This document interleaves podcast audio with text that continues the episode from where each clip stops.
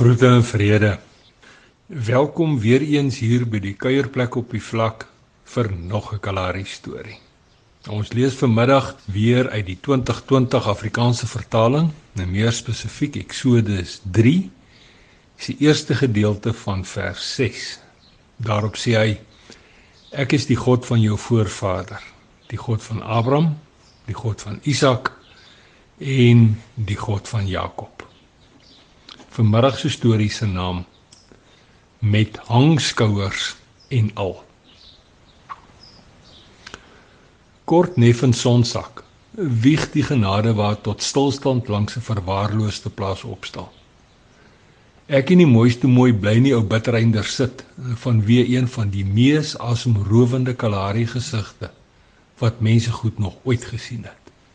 'n Kalahari sonsak. sien sonsak in die Kalahari bly maar net iets spesiaals.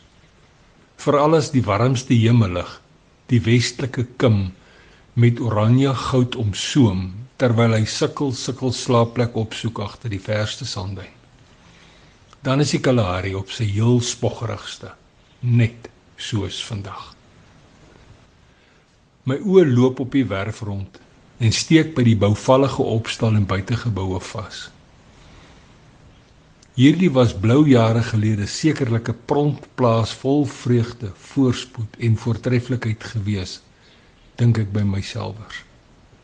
'n Plek wat oorvloed, sukses en genoegdoening uitpas sy, maar deesdae besef ek. Deesdae vertel hierdie plaas 'n ander storie. 'n Hartseer hangskouer storie vol diksand en dwarsstyne. 'n Hangskouer storie van nie goed genoeg wees nie, waar opgee, oorgee, swaar kry, sukkel en droogte die hoofrolle vertolk. Alle mense goed het mos 'n pronkerige kant, fluister die Heilige Gees saggies. Maar fluister hy verder. Alle mense goed het ook 'n kant waaroor hulle altyd met hangskouers sal staan. En soos gewoonlik is die Heilige Gees reg. En heel verbaas staar ek met wit oë na die vers te sien. Ek besef dat alle mense goed het 'n mooi kant wat aan die wêreld voorgehou moet word. Dis nou daardie prysenswaardige deel van ons daaglikse doen dinge wat ingekleer is met voortreffelikheid en vreugde en natuurlik voorspoed. Net soos 'n Moses van ouds is daar in ons gistertye aspekte en dinge wat diep weggesteek moet word. Hangskouer dinge waarvan niemand iets ooit mag weet nie. Ou Moses het mos eens op 'n tyd die Egiptenaar doodgeslaan. Skaamte en vrees het gou-gou veroorsaak dat hy in Midian se woestyn gaan wegkruip het. Met sy hangskouers en al wat nou vergeet en deel van sy gistergoed is, loop 'n skierige Moses hom vas in 'n bos wat nie uitbrand nie. Hier roep die God van Abraham, Isak en Jakob vir Moses op sy naam en stel hom terselfdertyd bekend.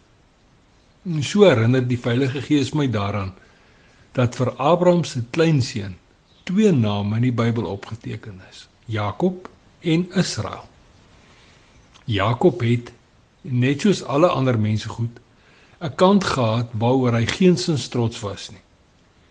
Esau se kleinboetie, wat soms ook bekend staan as Jakob die bedrieger, se hangskouerkant vertel van bedrog en valsheid leuns en sameswering. daarmee saam was hy 'n lafaard wat in oorlogstyd agter sy vrouens en sy kinders weggekruip het. Waarlik ware mens sonder inbors wat nie goed genoeg is nie. Maar Isak se jongste het ook in 'n nag, soos dit opgeteken, met 'n engel gestoei tot dagbreek toe nogal. En uit erkenning hiervoor gee die Here vir hom 'n nuwe naam, Israel. 'n Pronkerige naam want hy het met God en mens geworstel en nie kop gegee nie. En die kroon van Israel se lewe is dat hy as volksvader van die Israeliete gereken word. Onthou, beduie die Heilige Gees verder. Ek is die God van Abraham, Isak en Jakob en nie Israel nie.